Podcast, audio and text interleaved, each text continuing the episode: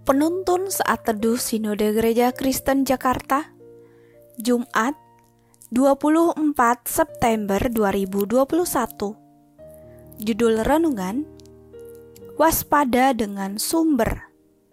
Nats Alkitab terambil di dalam kitab Matius pasal 7 ayat 15 sampai 23 Hal pengajaran yang sesat Waspadalah terhadap nabi-nabi palsu yang datang kepadamu dengan menyamar seperti domba, tetapi sesungguhnya mereka adalah serigala yang buas.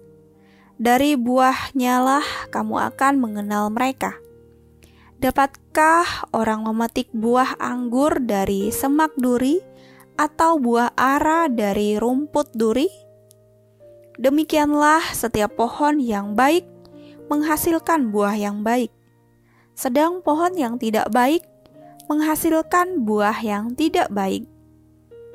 Tidak mungkin pohon yang baik itu menghasilkan buah yang tidak baik, ataupun pohon yang tidak baik itu menghasilkan buah yang baik.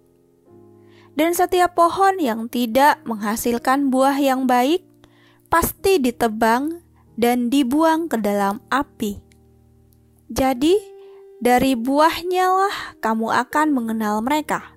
Bukan setiap orang yang berseru kepada aku, Tuhan, Tuhan, akan masuk ke dalam kerajaan surga, melainkan dia yang melakukan kehendak Bapakku yang di surga.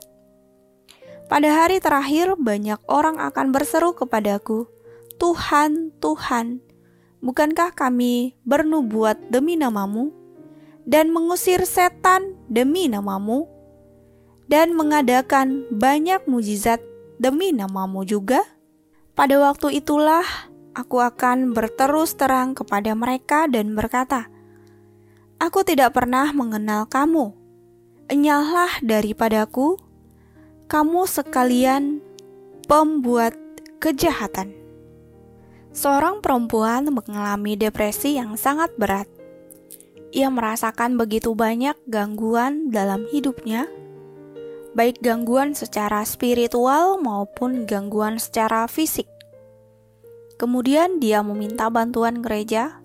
Salah seorang konselor dari gereja mengkonselingnya. Perempuan tersebut menceritakan bahwa dia dulu mengalami perjalanan hidup yang begitu sulit. Dia ingin segera keluar dari masalah hidupnya.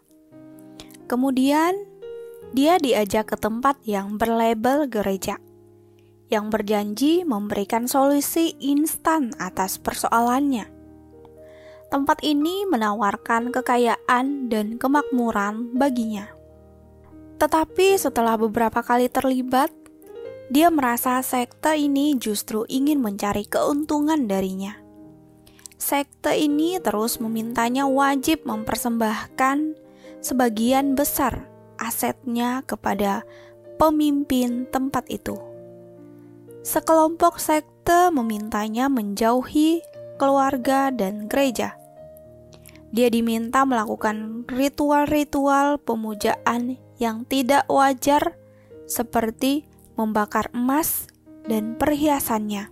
Dilarang melepas syal pada lehernya, bernyanyi berjam-jam tanpa henti, dan lain-lain. Bersyukur perempuan ini cepat menyadarinya dan memutuskan kembali kepada Tuhan. Yesus mengatakan bahwa pada hari-hari terakhir banyak orang berseru-seru Tuhan kepadanya. Mereka mengaku telah bernubuat demi nama Tuhan, mengusir setan demi nama Tuhan, dan melakukan banyak mujizat demi nama Tuhan. Tuhan berkata dengan terus terang kepada mereka bahwa Tuhan tidak mengenal mereka. Mereka disebut pembuat kejahatan. Untuk lebih memahami hal ini, kita harus membaca dari ayat 17 sampai 18. Yesus berbicara tentang pohon dan buahnya. Terdapat hubungan erat antara buah yang dihasilkan dengan pohon itu sendiri Ternyata semua perbuatan itu berasal dari pohon yang buruk. Perbuatan-perbuatan yang terlihat hebat ternyata berasal dari motivasi yang jahat di mata Allah. Motivasi dari seekor serigala ayat 15. Gambaran serigala adalah gambaran tentang pribadi yang digerakkan oleh keinginan untuk memangsa. Pribadi yang digerakkan oleh nafsu dunia dan penolakan kepada Allah sejak semula. Seperti serigala yang demi mendapatkan keinginannya dapat menyerupai seekor domba demi memuaskan nafsu dan keinginannya. Matius pasal 7 ayat 15 Tidak heran bila mereka melakukan hal-hal menakjubkan, namun keinginan terdalamnya adalah demi nafsu dan ambisi mereka sendiri. Yesus menyebut mereka adalah nabi palsu. Ayat 15. Yesus mengatakan dari buahnya kamu mengenal mereka. Ayat 20. Buah hidup mereka adalah apa yang muncul dari dalam hatinya. Teladan hidupnya, pengajarannya, dan motivasinya yang tercium di balik hiasan rohani yang palsu.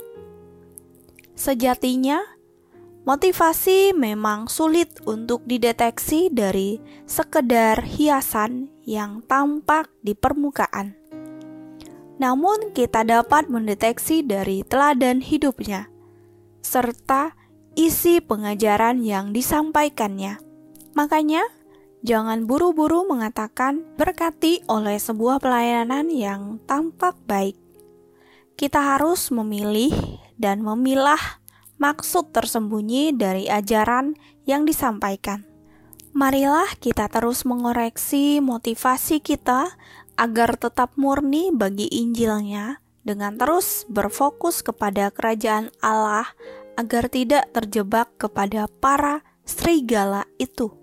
Orang-orang yang bersumber dari kebenaran Injil akan terus menjaga hatinya tetap murni dalam memberitakan Kristus demi kemuliaannya. Amin. Terima kasih. Tuhan Yesus memberkati.